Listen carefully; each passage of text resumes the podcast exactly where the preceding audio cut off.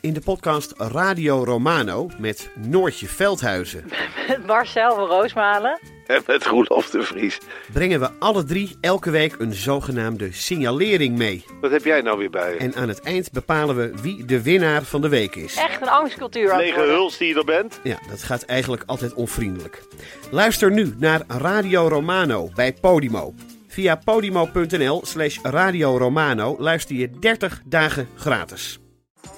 De strijd om de miljoenen van Siewert van Liende is losgebarsten. Zowel de staat als zijn stichting eisen de mondkapjeswinst terug. Maar dat die opbrengst in ieder geval niet thuis hoort bij Van Liende, daarover kan toch eigenlijk geen twijfel bestaan. Hoe kon het zo ver komen? Dit is het. We hebben beet. En als Siewert het geld teruggeeft, kunnen wij dit schandaal dan eindelijk loslaten? Je hoort het in de Mondkapjesmiljonairs, exclusief bij Podimo. Ga naar podimo.nl slash mondkapjes.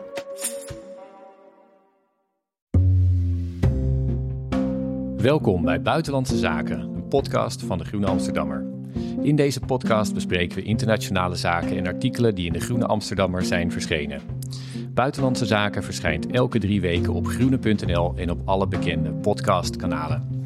Ik ben Rutger van der Roeven, de buitenlandredacteur van de Groene Amsterdammer. En ik maak de podcast vandaag met Casper Thomas, die tot vorige week de correspondent van de Groene was in Washington, maar die is teruggekeerd naar Nederland. Casper, welkom. Hi Rutger. En vandaag hebben we als gastjournalist Eva Hartog, die de afgelopen weken voor de Groenen naar, eh, door Oekraïne reisde. Eva, jij ook welkom. Ja, dankjewel. Fijn om hier te zijn.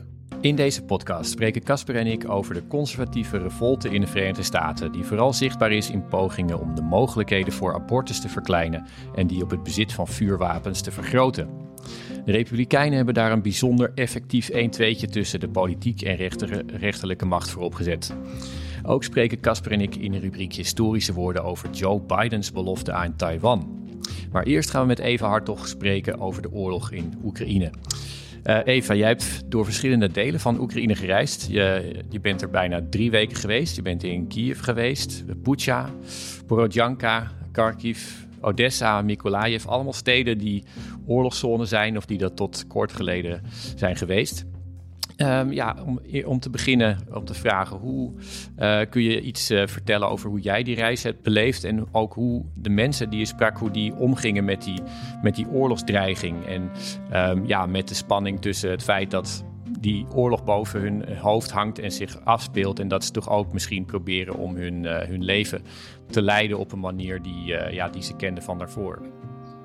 Ja, als je het nieuws vanuit Oekraïne, vanuit Nederland volgt of vanuit, vanuit het Westen, kan je je echt moeilijk voorstellen dat, uh, hoe mensen daar kunnen blijven leven. En überhaupt hoe uh, Oekraïners nu terug kunnen gaan naar Oekraïne. Dus volgens de VN zijn er iets van 6,5 miljoen Oekraïners gevlucht. Hè. Daarvan zijn nu naar schatting 2 miljoen Oekraïners weer teruggegaan naar huis. En ik dacht voorafgaand aan deze reis echt, hoe, kan dat? Hoe kunnen, de oorlog is nog gaande, is nog lang niet voorbij. Hoe kunnen mensen nu al teruggaan? En wat, wat ik heel erg heb gezien is dat het feit dat deze oorlog nu de vierde maand ingaat, dat, dat heeft dus twee kanten. Aan de ene kant hebben Oekraïners um, het besef, snappen ze goed dat dit nog lang gaat duren, dat dit niet zomaar voorbij is. Dus er is een meer realistisch, um, mensen zijn realistischer.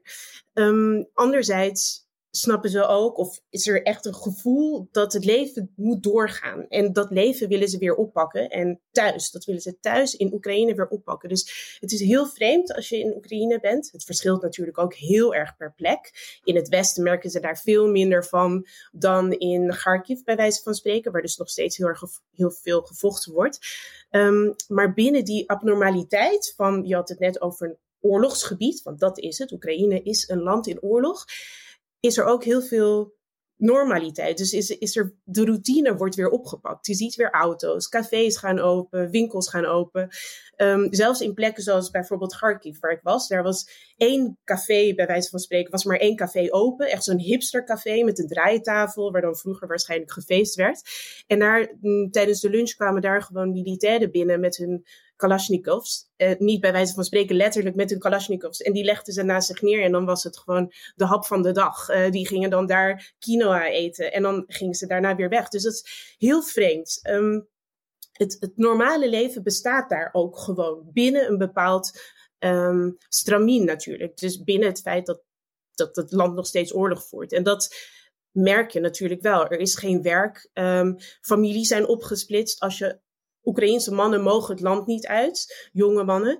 Um, en die kunnen op elk moment weer worden opgeroepen om, of weer worden opgeroepen om naar het front te gaan. En dat, dat is nogal wat. Dus um, er wordt wel eigenlijk gedaan alsof het leven weer wordt opgepakt. Maar tegelijkertijd beseffen mensen zich heel goed dat dit een soort tussenfase is. Maar wel een tussenfase die heel erg lang kan gaan duren. En wat mij ontzettend opviel, en dat heb ik ook aan mezelf gemerkt, is dat los van het feit dat je daar gewoon inderdaad nu koffie op een terras kan drinken en uh, kan winkelen, nou ja, de normale dingen van het leven, er echt een constant gevoel van onveiligheid is, waar je ook bent. En dat verschilt ook weer heel erg per plek natuurlijk. In Kiev is het bijna zoals vanouds. Heb je het gevoel dat de stad weer terug naar vroeger is, terug naar normaal.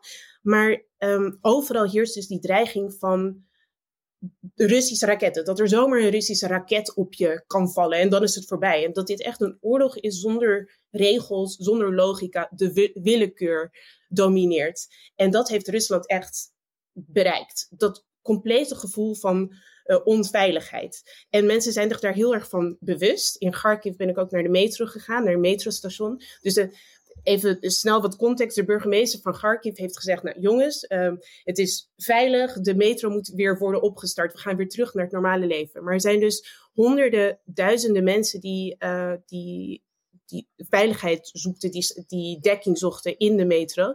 En die daar niet weg willen. Die, die zitten in de metro, op een metrostation. En die willen niet naar huis of zijn hun huis kwijt. En die verzetten zich daar heel erg tegen. Dus de burgemeester zegt: Jongens oké, het is voorbij, ga maar weer naar boven. En die mensen die, die ik daar heb gesproken zeiden geen sprake van, het is nog niet veilig. En die durven ook niet meer bovengronds te gaan. Die leven al drie maanden onder de grond. En um, dat is heel heftig. Uh, dat is echt een plek, ik kan je vertellen, daar, daar wil je niet. Ik was er een half uur en ik, ik had echt moeite om dat half uur daar uit te houden. Zo erg stinkt het er. Het, stinkt er gewoon naar drie maanden angst, bij wijze van spreken. Dus dat er, aan de ene kant heb je mensen die die angst volledig hebben geïnternaliseerd. Aan de andere kant heb je mensen die weer doen alsof het normaal is, die het leven weer willen oppakken. Um, en eigenlijk zijn die mensen, die tweede groep, zijn een beetje afgestompt voor de dreiging, voor het gevoel van onveiligheid. Want ik heb tijdens die week in Oekraïne, heb ik niet één keer meegemaakt dat iemand iets deed, wat dan ook, uh, of actie ondernam, um, op, uh, bij het horen van een luchtsirene. Die je dus in Kiev wat minder vaak hoort, maar in Kharkiv de hele tijd. Om de paar uur gaat er een luchtsirene af. Dat is best heftig. Daar schrik je echt wel van de eerste keer. Ook s'nachts. Ja, na dag twee draai je je nog een keer om en uh, ga je lekker verder slapen.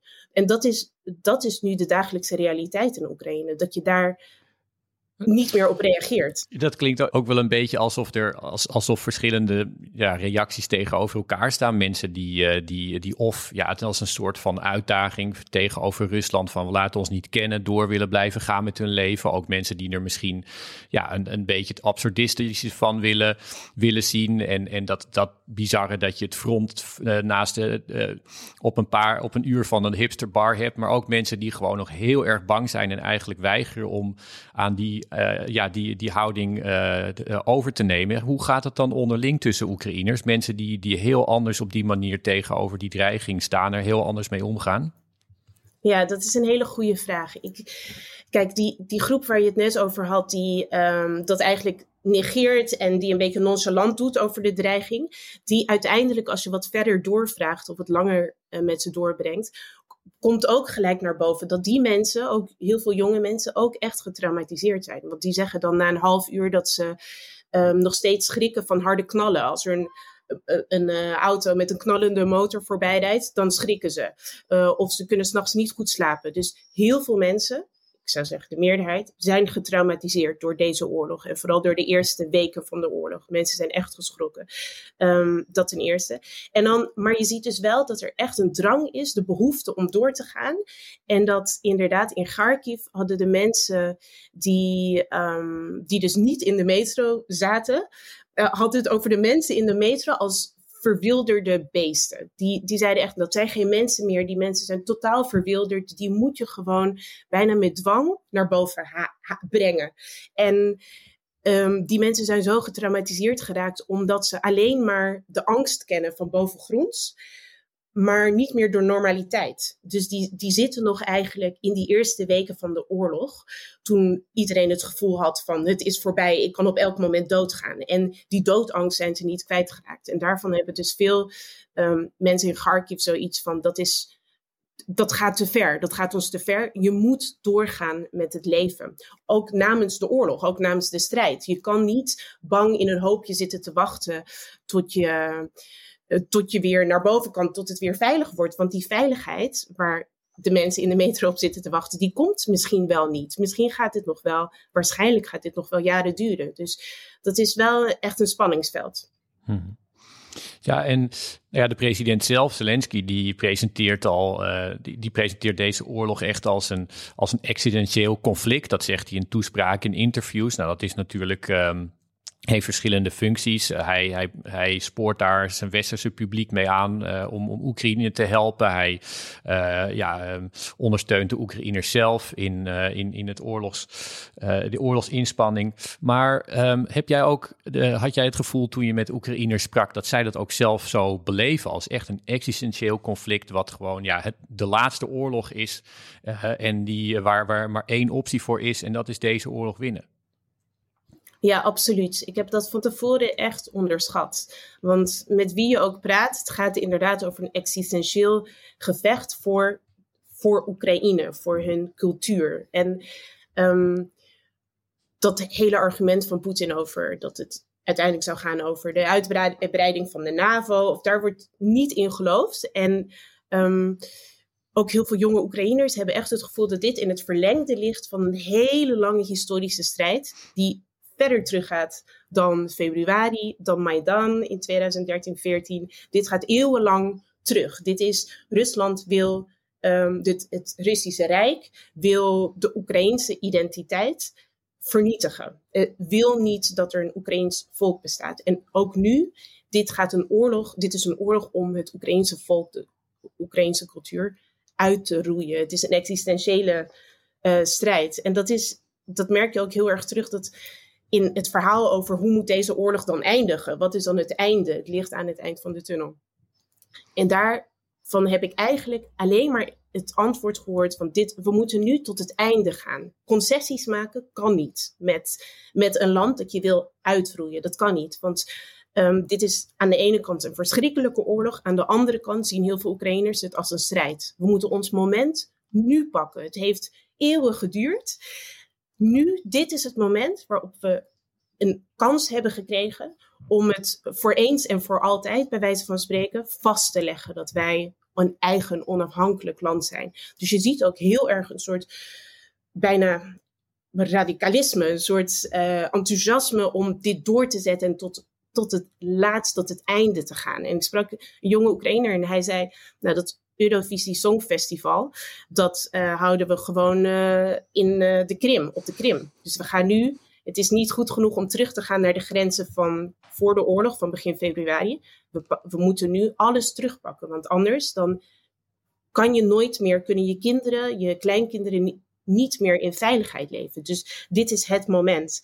En um, dat is aan de ene kant, het is dus een gevecht voor Oekraïne, voor de onafhankelijkheid van Oekraïne. Maar het wordt ook heel erg gezien als een gevecht, een strijd voor de beschaving. Tegen de verwilderde Russen die zich totaal, die, zich gedragen als, uh, als wilde, als mensen zonder, zonder eh, beschaving. Dus de Russen worden in Oekraïne nu orks genoemd en racisten. En dat is dan een een, een, combinatie van het woord voor Russen en fascisten. Hè? Dus het, dit is een strijd tegen het fascisme en dat wordt door Oekraïners gevoerd. Iemand zei tegen mij: we vechten met westerse wapens, maar met Oekraïense handen. Ja, ik, uh, ik wil straks graag even terugkomen wel... daarop. Ja, Casper, ik wilde jou, jou vragen. Um, die, dat existentiële van dat conflict, het komt soms een beetje in westerse discussies uh, naar, naar voren als er wordt gesproken over van, nou ja, als er straks een uh, vredesbesprekingen komen, hè, zouden dan westerse landen misschien toch uh, Zelensky willen aanzetten tot concessies die um, ja, bijvoorbeeld het afstaan van grondgebied zijn. Um, ja, zoals Eva dat bespreekt als, als existentieel conflict, wat niet alleen ja, zo wordt genoemd voor ja, wapenleveranties, maar echt in de harten zo wordt beleefd. Heb je de indruk dat dat in het um, ja, in, in westerse hoofdsteden en in de Verenigde Staten ook uh, voldoende wordt, wordt gezien? Ja, het, het, wisselt. Ik vind het een moeilijke vraag, omdat ik een beetje, ik, ik, ik twijfel daarover, ik, ik wissel daar eigenlijk een beetje van mening over. Soms heb ik het idee, als je bijvoorbeeld kijkt naar de, de langdurige commitment die uh, de Biden-regering maakt als het gaat om het leveren van wapens, het ook leveren van steeds zwaardere wapens. Uh, daarvan heb ik af en toe wel de indruk dat het woord existentieel wordt niet gebruikt, maar ik heb het idee dat dat dat die dimensie van het, van, van het conflict en van de oorlog wel, wel op die manier begrepen wordt. Ook omdat het volgens mij wel duidelijk is voor Washington in ieder geval dat. Uh, kijk, dit wordt dan vanuit Washington ook gezien als een. En dat, dat is ook een existentieel uh, probleem, een existentiële kwestie zou je kunnen zeggen. Als een. Uh, misschien wel een soort slothoofdstuk in een hele langdurige strijd tussen, tussen Rusland en het Westen, die natuurlijk begonnen is in de Koude Oorlog. Toen de eerste ronde sanctiespakketten aankwamen, uh, heeft de regering Biden ook gezegd: luister, dit gaat, we gaan Rusland tot het, einde der dagen isoleren. Dus het wordt niet expliciet zo gezegd, maar er is echt wel een soort doctrine daar dat dit het moment is om Rusland in zijn huidige vorm volledig op de knieën te krijgen, volledig buiten de, buiten de wereldorde te plaatsen. Daar zit het is misschien riskant, dat is weer de andere kant die daarvoor bepleit wordt. Maar uh, ook in die zin wordt het, uh, ja, wordt het gezien als een, als, een, als een kwestie van voortbestaan of niet voortbestaan. Waarbij het niet voortbestaan van het huidige Rusland uh, toch een impliciet doel is van, van de Amerikaanse strategie. Ja, nou ja, en uh, over, over de Europese kant heb je daar heb je zicht op het um, Europese debat of moeten we daar Mathieu volgende keer um, over aan zijn mouw trekken? Dan moet je zeker Mathieu over aan zijn mouw trekken. Um, het punt is wel dat, dat er, dat er in, in Europa zit natuurlijk meer ambiguïteit. Het, idee van, oh, uh, er moet inderdaad een compromis gesloten worden. Poetin moet een way out geboden worden uit deze oorlog. Uh, met, zonder al te veel gezichtsverlies. Al dat soort dingen. Dat zijn stemmen die ik eigenlijk, in, als, als ik die hoor, zijn ze eigenlijk vrijwel altijd Europees. Dat vind ik nog steeds een van de bijzondere dingen dat in de VS voor alle verdeeldheid en alle politieke verschillen van de afgelopen tijd, dat dit een onderwerp is waar eigenlijk het grootste deel van de Amerikanen, zowel het, in het, de, de, de volksvertegenwoordigers als het grote publiek, het eigenlijk wel min of meer eens is. -hmm. Ja, um, Eva, om, om terug te komen op dat punt wat jij net noemde, dat vond ik toch wel heel interessant. Je had het over die, uh, de manier waarop er over de, over de Russen wordt gesproken met heel veel haat. Nou ja, van tevoren was dat um, ja, hadden, hadden misschien uh, veel, veel mensen zelfs in Oekraïne niet, uh, niet die, die omslag zo verwacht. Poetin zelf in ieder geval had duidelijk verwacht dat um, uh, in ieder geval de helft van de Oekraïners daar toch blij zou zijn met die bevrijding. Dat, omdat de Oekraïners eigenlijk Russen zijn. Um, ja, veel veel Oekraïners zijn Russisch-talig, uh, waar, waren ook tot voor kort heel sterk op Rusland gericht. Komt die oorlog extra hard aan voor die Russisch-taligen en die, die mensen die erg op Russisch, Rusland gericht waren? Ja, wat je ziet is dat er nu wel echt een historische omslag plaatsvindt. En dat viel me het meest op in Odessa natuurlijk. Een, Odessa, de stad aan de Zwarte Zee. De, Odessa is een voornamelijk Russisch-talige stad. Men spreekt daar Russisch. Het is uh, altijd een, het heeft bijna een mythische status, een deel geweest van ook de Russische, het zelfbeeld van Rusland, van de Russische cultuur. En uh, volgens een peiling die dus voor de oorlog is uitgevoerd, ergens in september volgens mij, is er, uh, was ongeveer 70% van de bevolking, van de Adessieten, het eens met Poetin dat Russen en Oekraïners één volk zijn. En uh, er waren minder mensen die uh, integra verder, verdere integratie wilden met Europa dan mensen die zich naar Rusland toetrokken. Of in ieder geval, daar tussen die twee polen, tussen Rusland en het Westen, Europa, uh, bestond niet per se een contradic contradictie. En ook niet tussen het Oekraïens en het Russisch zijn. Dat ging in Odessa samen. Er is een soort van hybride, hybride identiteit. Uh, niet alleen in Odessa, maar, ook, maar vooral ook in Odessa. En iets wat dus vroeger geen contradictie was tussen die twee polen eigenlijk, is dat nu absoluut wel. En die verschuiving vindt al langer plaats natuurlijk, vooral sinds de Maidan-revolutie. Maar lijkt nu definitief zou worden. Of in ieder geval, daar wordt een poging toegemaakt. Dus in Odessa, de enige, en dat was ook de enige plek waar ik dat zag uit heel Oekraïne, hangt om de 10 meter op elke straat een, grote Oekraïnse vlag. En dat is dus uh, een georganiseerd initiatief. Overal waar je kijkt, hangen Oekraïnse vlaggen. Um, Odessa neemt een positie in. Odessa is een Oekraïnse stad. En dat is echt een enorme transformatie voor die stad. En een, een, unieke historische gebeurtenis. En eigenlijk zelfs de burgemeester van Odessa, dat is altijd iemand gezien, dat, eh, dat was iemand die werd gezien als echt een pro-Russisch figuur. Die spreekt zich ook nu totaal uit tegen Rusland keert zich af en is nu opeens heel pro-Oekraïns. Nou, daar zit ook natuurlijk een stukje opportunisme in. Maar je merkt het dus ook heel erg onder de bevolking. De mensen met wie ik sprak zeiden, de tijd van de tolerantie, noemen ze dat, is voorbij. Naar Russen toe, of in ieder geval naar mensen toe die Rusland steunen. Je kan nu Rusland niet meer steunen en je mag ook niet meer Russisch zijn. En wat apart is, is dat eigenlijk hoor je de andere kant hoor je niet meer. Want mensen die uh, Rusland nu wel steunen, die zijn slim genoeg, wijs genoeg om dat niet hardop te zeggen. En ik sprak een antropoloog, een bekende antropoloog in Odessa, Alexander Prigarian. En hij zei: Dit is. Ik heb het gevoel dat mijn twee thuislanden, twee delen van mijn identiteit, nu oorlog met elkaar voeren. En dat in het Oekraïne van nu en in het Oekraïne van de komende jaren één kant niets meer mag bestaan. Die kant wordt uitgeroeid.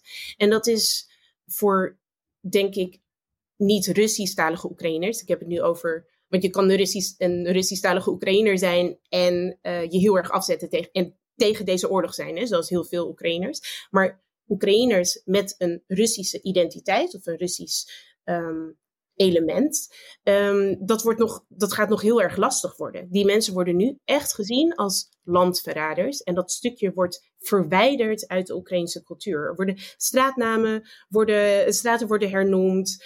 Het, het, gaat, het gaat ver en ik denk dat het straks nog verder gaat. er is geen plek meer voor. En, en hoe zit dat in de, in de harten van de mensen? Ik bedoel, heb je mensen gesproken die, eh, die echt uh, ja, met pijn uh, daar, daar afstand van, van moeten nemen of daarmee worstelen?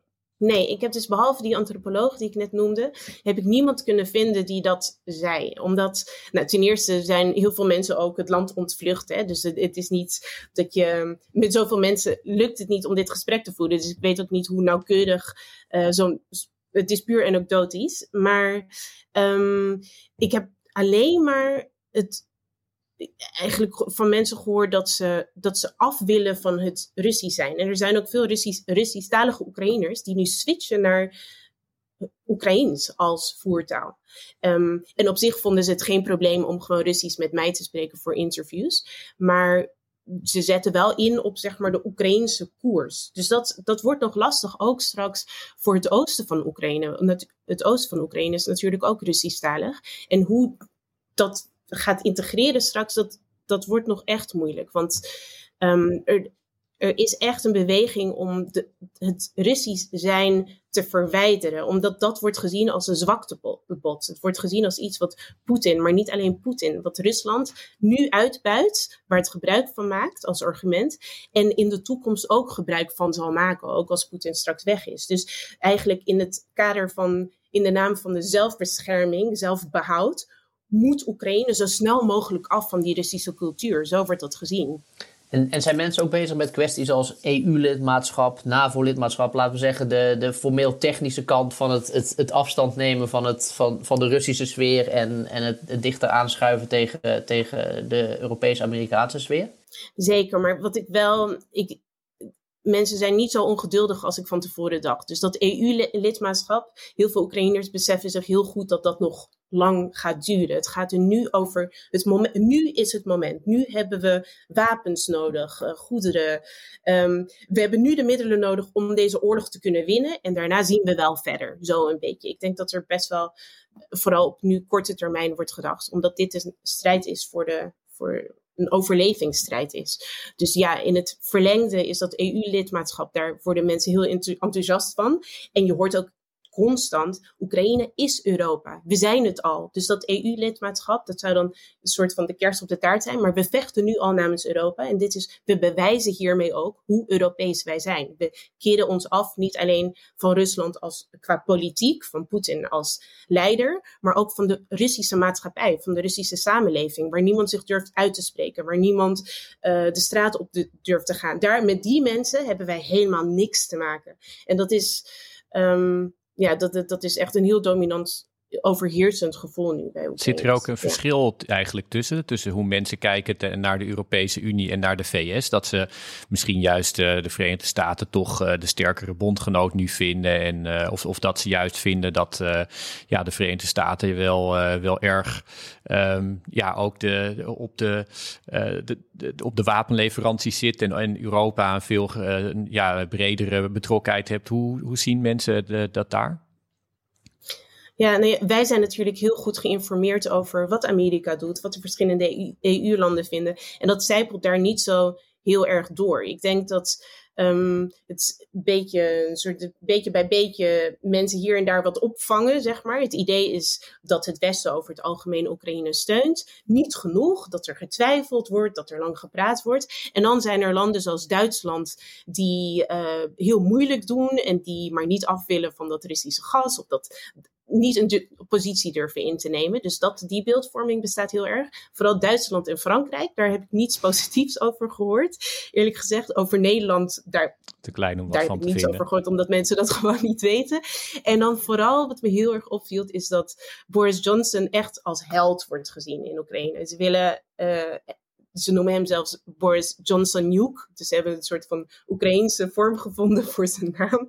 Omdat Boris Johnson degene was die naar Kiev kwam. Die het aandurfde om door, door het centrum van Kiev rond te lopen samen met Zelensky. En daar um, zijn steun heeft uitgesproken voor Oekraïne. Dus ik denk dat wat heel erg wordt gewaardeerd is um, inderdaad wapens en sterke taal.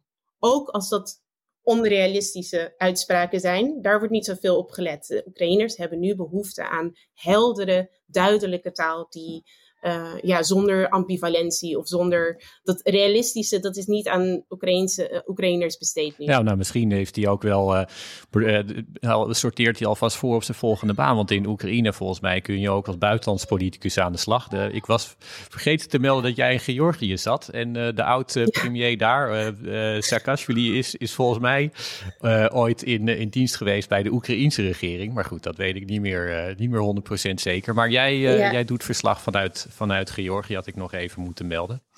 Um, ja, daar, daar, hebben we het ook voor mij in vorige, vorige podcast wel eens over gehad. Ik, ik ben wel benieuwd, hoe is jouw eigen situatie uh, ten opzichte van uh, Moskou op dit moment, Eva? Hebben we het daar in de vorige podcast over gehad? Nou, we hebben een keer gesproken over, over hoe, hoe het was voor jou om daar te werken als journalist. Uh, toen, toen, ja. dit, toen dit net begon eigenlijk allemaal. Ja, nou ja, een van de redenen op persoonlijk niveau vond ik het ook belangrijk om naar Oekraïne te gaan en om mensen daar te spreken. Omdat je dan ziet wat de oorlog betekent. Hè? Verder dan gewoon de, de verslaggeving daarover. En dat is wel, ik moet wel zeggen dat dat uh, me wel heeft aangegrepen. En ook om, het is hartverscheurend, omdat mensen tot, gewoon niet begrijpen. Ik kreeg die vraag de hele tijd. waarom doet Rusland dit? Dit is er is, mensen zijn nog steeds in shock. En dat, is, um, dat vond ik wel heel heftig om te zien. Vooral omdat ik blijf Rusland natuurlijk volgen. En ik kijk ook naar de Russische staatsmedia. En dat is, je hebt het dan over twee parallele werkelijkheden. Twee verschillende planeten. Aan de ene kant, ik ben me heel erg bewust van hoe dit in Rusland wordt gepresenteerd, verteld. Hoe heel veel Russen het ook zien, hè, voor zichzelf rechtvaardigen.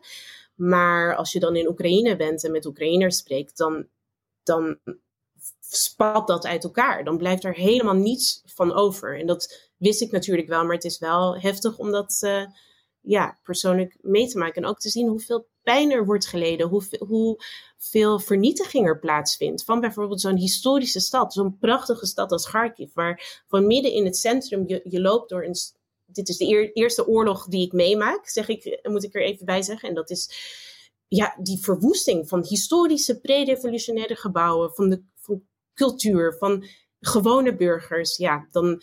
Um, wordt het nog lastiger, bij wijze van spreken, om Poetin te horen zeggen dat dit over een speciale gerichte militaire operatie gaat. Daar, daar blijft heel erg weinig van over.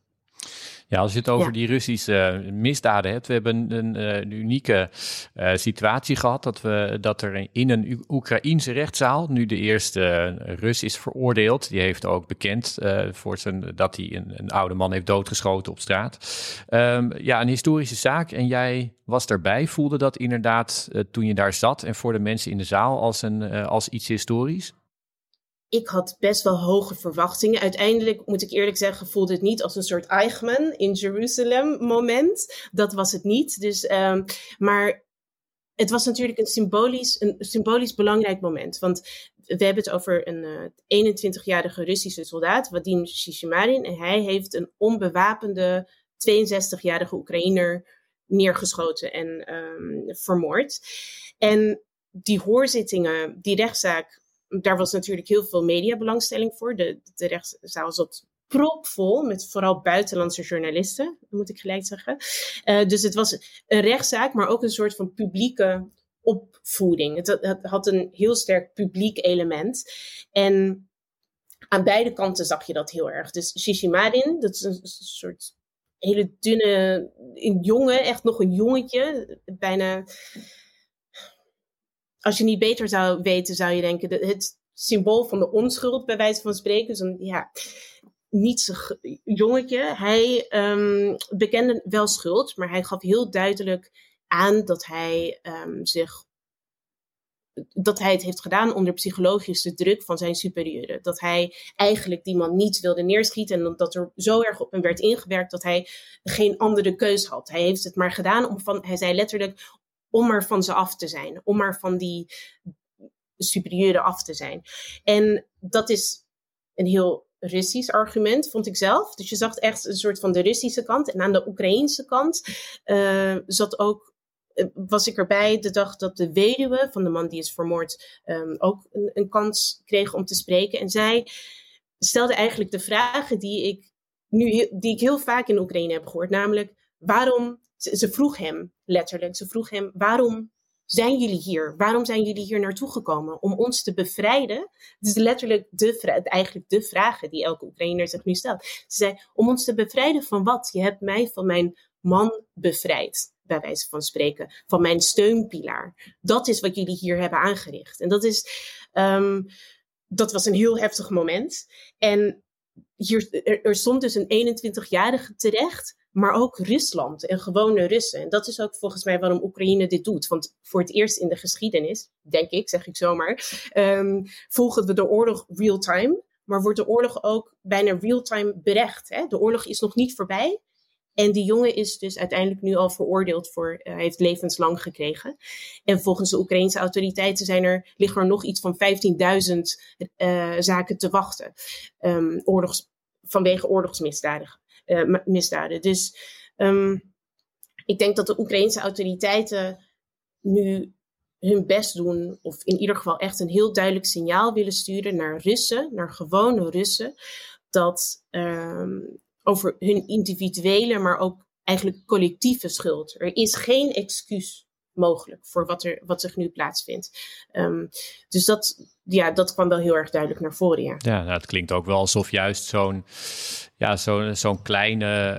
Um, tengere, onschuldig ogende dader, dat dat misschien juist ook uh, ja, symboliseert dat het, um, nou ja, dat het niet een, per se een kwestie, uh, een kwestie is van een uh, soort gezichtsloze vijand, maar juist wel uh, ja, ook gewone Russen die ertoe worden aangezet. Maar goed, ik. Um... Tuurlijk. En dat was ook, dat was wel apart om te zien, want hij was wel echt Rusland in een nutshell. Ik, als je hij, hij, is de oudste uit een gezin van vijf kinderen, als ik me niet vergis. Zonder vader opgegroeid, uit het Verre Oosten, in een arm gezin. Een soort van de typisch Russische soldaten. En als je daar in die rechtszaal, dat overviel mij echt. Het gevoel van, hij staat terecht namens Rusland eigenlijk. Want Poetin krijgen ze daar niet. Dit is geen internationaal rechtstribunaal natuurlijk. Dus hij vertegenwoordigt de verschrikkingen die, van, deze oorlog. De, de misdaden die Rusland nu uh, begaat in Oekraïne.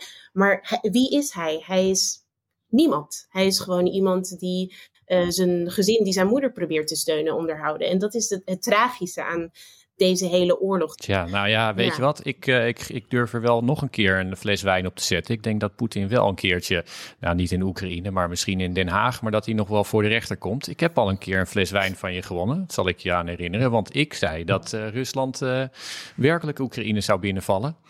En ook van jou, Casper. Maar goed. Dat, ik wou uh, zeggen, voor mij was, was die weddenschap... die hebben we inderdaad gemaakt bij de... de, de, de nou ja, goed, die moeten we maar eens terugluisteren. Ga, gaan we nog eventjes uh... terugluisteren. maar in ieder geval ontzettend bedankt voor... Ik weet niet of jullie dat aandurven hoor. Ik, uh, dit is een, wel een beetje een riskante inzet van mij, denk ik. Maar goed, ik durf het... ik, ik, ik, ik, hoop zeer dat het ervan komt. Maar in ieder geval heel erg bedankt voor je, ja, voor je bijdrage hier. Graag gedaan. En dan gaan Casper en ik verder met historische woorden. En dan nu historische woorden, onze rubriek waarin we een citaat bespreken van een politicus uit de afgelopen weken dat zomaar historisch zou kunnen worden. We luisteren naar de Amerikaanse president Joe Biden. Are you willing to get involved militarily to defend Taiwan if it comes to that? Yes. You are. That's the commitment we made. That's the commitment we made. We are not, look, here's the situation. We agree with the one China policy. We've signed on to it. And all the attendant agreements made from there.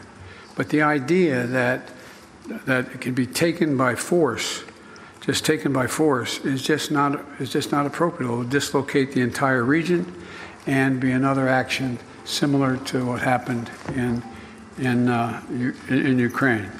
And so it's a it's a burden that is even stronger. Ja, nou, dat klinkt allemaal een beetje eh, hakkelend en wijfelend. Maar de, de zaal eh, vol met de journalisten, die zat echt sprakeloos met de mond open te kijken. En die, die kneep ook in de arm en zo, wat, wat Biden hier nu had gezegd. Want hij zei namelijk, ja, eh, de Verenigde Staten gaan um, Taiwan verdedigen. En wij geloven in de een China-politiek. Dat was een, um, ja, behoorlijke breuk. Casper, wat, is, wat was jouw reactie erop? Ja, het is altijd even de vraag bij dit soort dingen. Dat, dat doet, moet de Amerikaanse pers dan ook altijd drie keer checken. En daarna komt de minister van Buitenlandse Zaken, Anthony Blinken, er vaak nog even uitleggen. Maar versprak Biden zich nou of meende hij wat hij zei? Nou, volgens mij is dit toch wel in de categorie uh, hoger misschien de tactische verspreking, maar hij, hij, meent wel wat hij zei. Maar dat desalniettemin is dit, is dit dus inderdaad uh, zeer historisch, omdat ik kan me niet herinneren, of bij me weten is het niet eerder gebeurd dat een Amerikaanse president zo expliciet heeft gezegd: als China de handen uitsteekt naar Taiwan, dan gaan wij dat verdedigen. En dat heeft dus een militaire consequentie. Hij trok natuurlijk ook meteen de parallel met Oekraïne. dus eigenlijk heeft Biden hier een, een update gegeven, zou je kunnen zeggen, van het Amerikaanse China-beleid. Dat er altijd op neerkwam. Wij noemen het ook even de One China Policy. Uh, we erkennen de, de, de, regering, de Chinese regering, uh, erkennen we. we snappen dat ze zeggen dat Taiwan van ons is, maar we onderschrijven die claim niet. En ondertussen mocht Amerika dan wel culturele en economische banden met Taiwan onderhouden.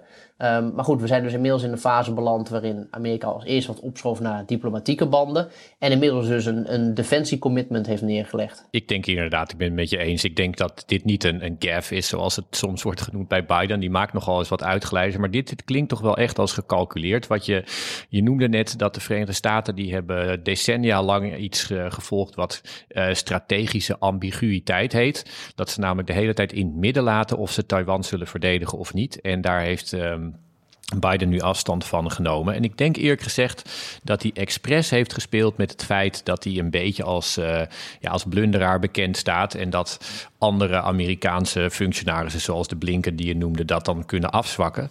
Maar dat hij veel duidelijker dan voorheen heeft gezegd: uh, ja, dit gaan we doen. Omdat hij kennelijk uh, in het Witte Huis wordt ingeschat dat dit een riskante situatie is. Waarin uh, China best wel eens het, ja, het Oekraïense voorbeeld zou kunnen uh, zou kunnen zien als een reden om wel Taiwan te, willen binnenvallen. En dat dus kennelijk een sterkere Amerikaanse ja, commitment nodig is. En ik denk absoluut dat het zo is dat de Verenigde Staten dit niet willen. En dat Biden dus heeft ingeschat samen met zijn, um, uh, zijn belangrijkste veiligheidsadviseur. Um, dat, het, dat het beter is om expliciet te dreigen naar China dan om uh, in het midden te laten of ze Taiwan wel of niet zullen verdedigen. Nou, ik vind het uh, best wel riskant, maar laten we hopen dat dat goed uitpakt. Maar terecht uh, aangemerkt als historische woorden, denk ik. Want het is ook niet heel erg opgepakt dit, dus het is goed dat we het nog even in, het, in, het, in de spotlight zetten. Ja, de Groene Amsterdammer houdt daar vinger aan de pols.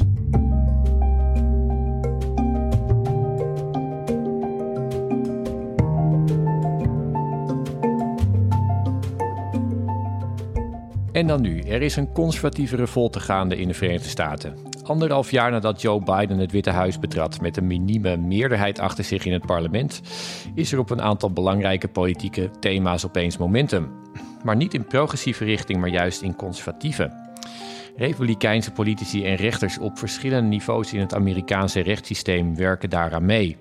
Het Hoge Rechtshof staat op het punt om het recht op abortus terug te draaien en gaat waarschijnlijk ook het recht op wapenbezit verruimen. Casper, hoe zijn we daar eigenlijk in terechtgekomen en hoe blijven dat soort eindeloze thema's in de Verenigde Staten, in de Amerikaanse politiek, nou de hele tijd terugkeren? Nou, kijk, dit is eigenlijk iets, uh, die, die twee onderwerpen, wapenbezit en abortus, uh, het recht op abortus, zijn, dat, dat zijn de conservatieve hang-ups in Amerika al tijdenlang. En ja, er zijn verkiezingen. Uh, de Democraten zijn aan de macht. Uh, of in ieder geval wat betreft het presidentschap natuurlijk. Maar we zien eigenlijk nu pas, dit, dit zou je kunnen zeggen, dit, we zien eigenlijk nu pas weer een hele grote consequentie van, uh, van, van de afgelopen Trump-jaren. Ik was een tijdje geleden nog op een, op een Trump rally in Ohio, waarin hij zich even, zijn toeluisteraars daar even aan herinnerde. Hij zei namelijk, weet u nog, dat ik had beloofd als je op mij zou stemmen, dan zou ik hele conservatieve rechters benoemen die dan pro-life zijn en, en pro-wapenbezit. En uh, met enige vertraging uh, oogst de, de, de, de Trump-stemmer of de conservatieve kiezer in Amerika nu waar ze, waarvoor ze naar de stembus zijn gegaan. Een tijdje geleden, we hebben er in de Groene ook over geschreven, eigenlijk het schrappen van Roe v. Wade, de, de zaak die het recht op abortus als uh, federaal recht in Amerika verankerde, uh, dat als president, als president schrappen. Um, en binnenkort, we weten, je weet van een, een hoogrechtshof nooit precies wanneer het komt. Want ze zeggen, ze kondigen het niet aan, tenzij het dus uitlekt zoals bij Roe v. Wade gebeurde. Um, maar er zit dus een, een, een, een vonnis in de pijplijn over wapenbezit. Dat is een, een zaak in New York. Waarin eigenlijk uh, de vraag is, ja, op, op basis van welke gronden kun je nu restricties aanbrengen over het, het, het, dragen van een, uh, van een vuurwapen in bepaalde omgevingen, zoals inderdaad in een, een drukke stad of uh, in de metro of in een openbaar gebouw. Nou ja, en de conservatieve rechters die zijn eigenlijk, zoals ze dat dan doen, weer, die gaan dan naar de grondwet kijken, want die hebben een soort doctrine dat alles wat in Amerika gebeurt eigenlijk conform de grondwet moet zijn zoals die uh, aan het begin van de, geschiedenis van de Verenigde Staten is opgesteld. En zeggen, ja, daar kunnen we eigenlijk weinig in vinden uh, dat het rechtvaardigt om dat, dat, vuurwapenbezit enigszins aan banden te leggen.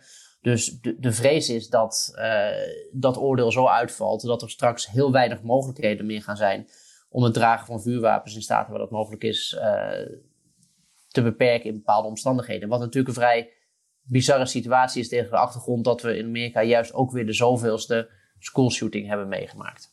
Ja, ik, ik moet zeggen, ik zie, ik zie het wel een beetje anders. Volgens mij is het, is eerder zo dat dit, uh, dit is niet een, uh, een, een gevolg van Trump volgens mij, maar Trump is het gevolg van een, uh, van een veel eerder ingezette um, koerswijziging binnen de Republikeinse Partij, waarin, um, waarin met name Nixon heeft, zich heeft gericht op een nieuwe coalitie kiezers. En die coalitie die had Um, als, als heel belangrijk onderdeel christelijke Amerikanen, evangelicals, die in te weinig, uh, die, die in te lage aantallen kwamen stemmen. En die heeft, uh, hebben een aantal republikeinse strategen hebben die bewust ingezet op thema's die hen bewogen, met name abortus.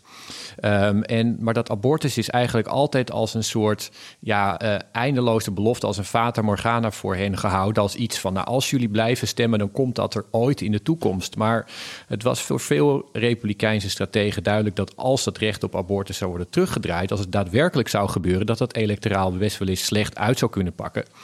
En andere dingen zijn ook zo. Je hebt uh, binnen die Republikeinse coalitie ook de, ja, de, de, de wapenlobby.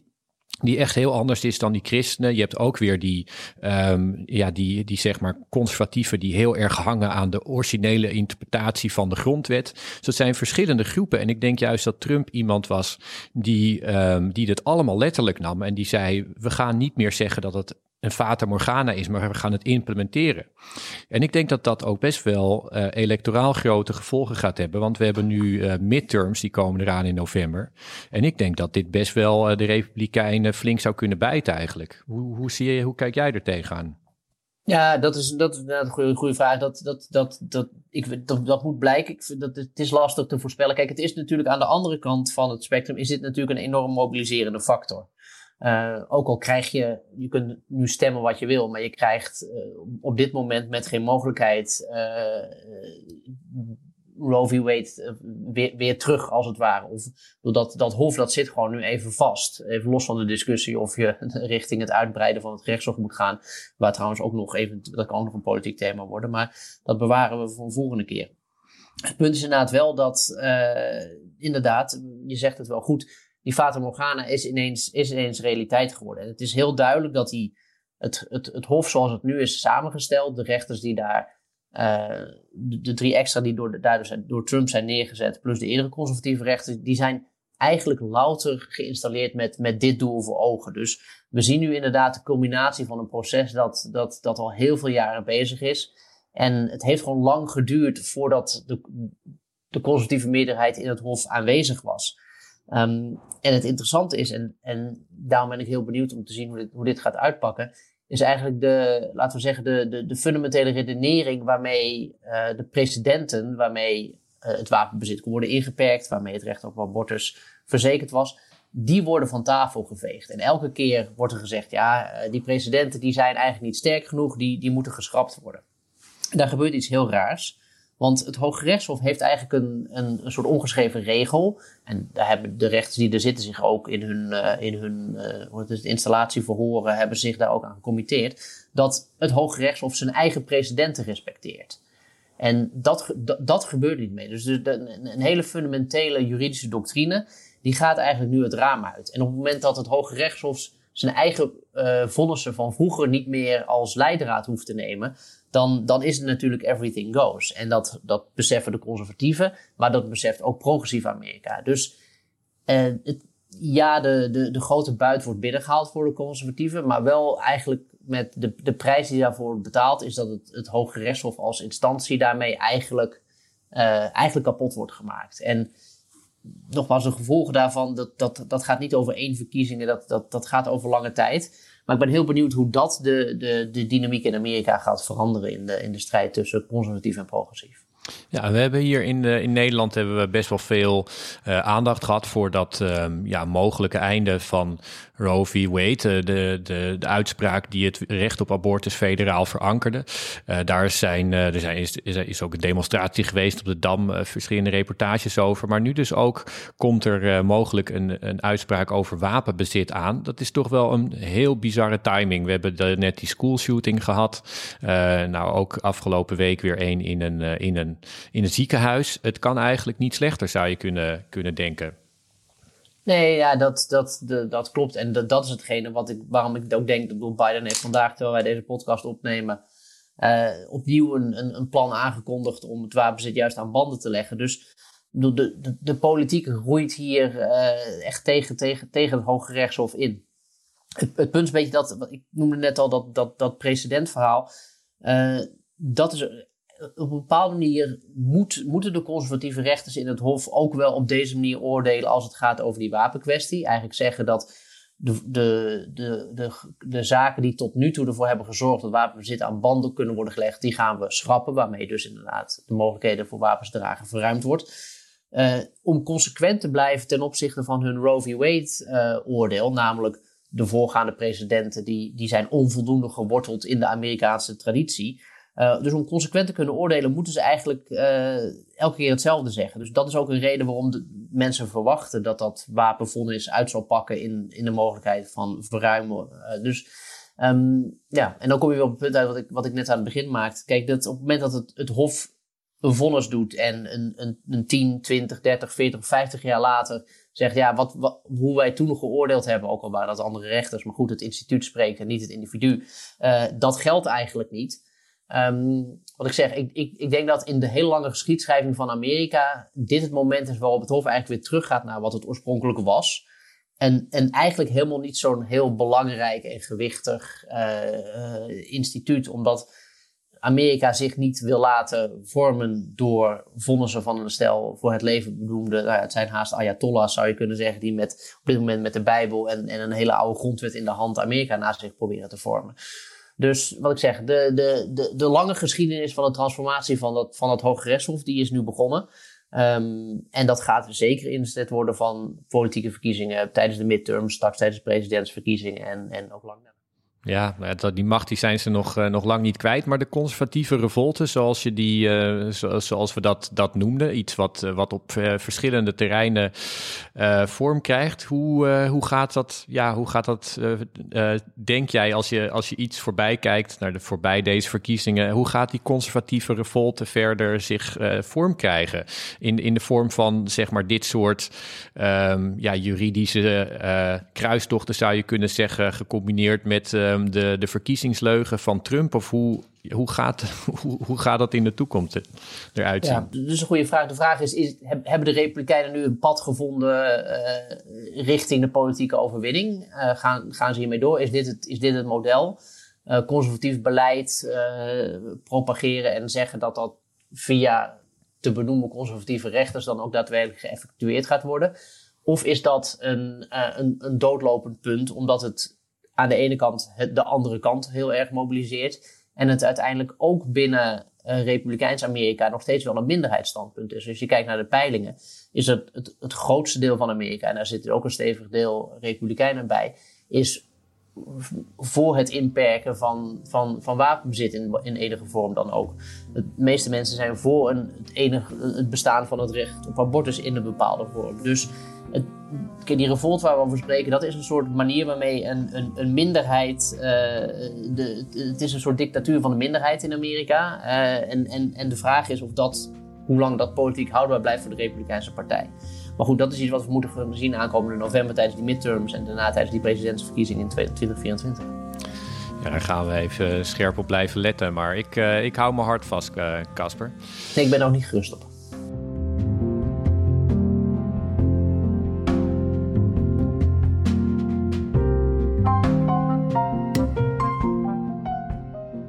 luisterde naar Buitenlandse Zaken, een podcast van de Groene Amsterdammer. U hoorde Rutger van der Hoeven vanuit Amsterdam, Eva Hartog vanuit Georgië en Casper Thomas vanuit Maastricht.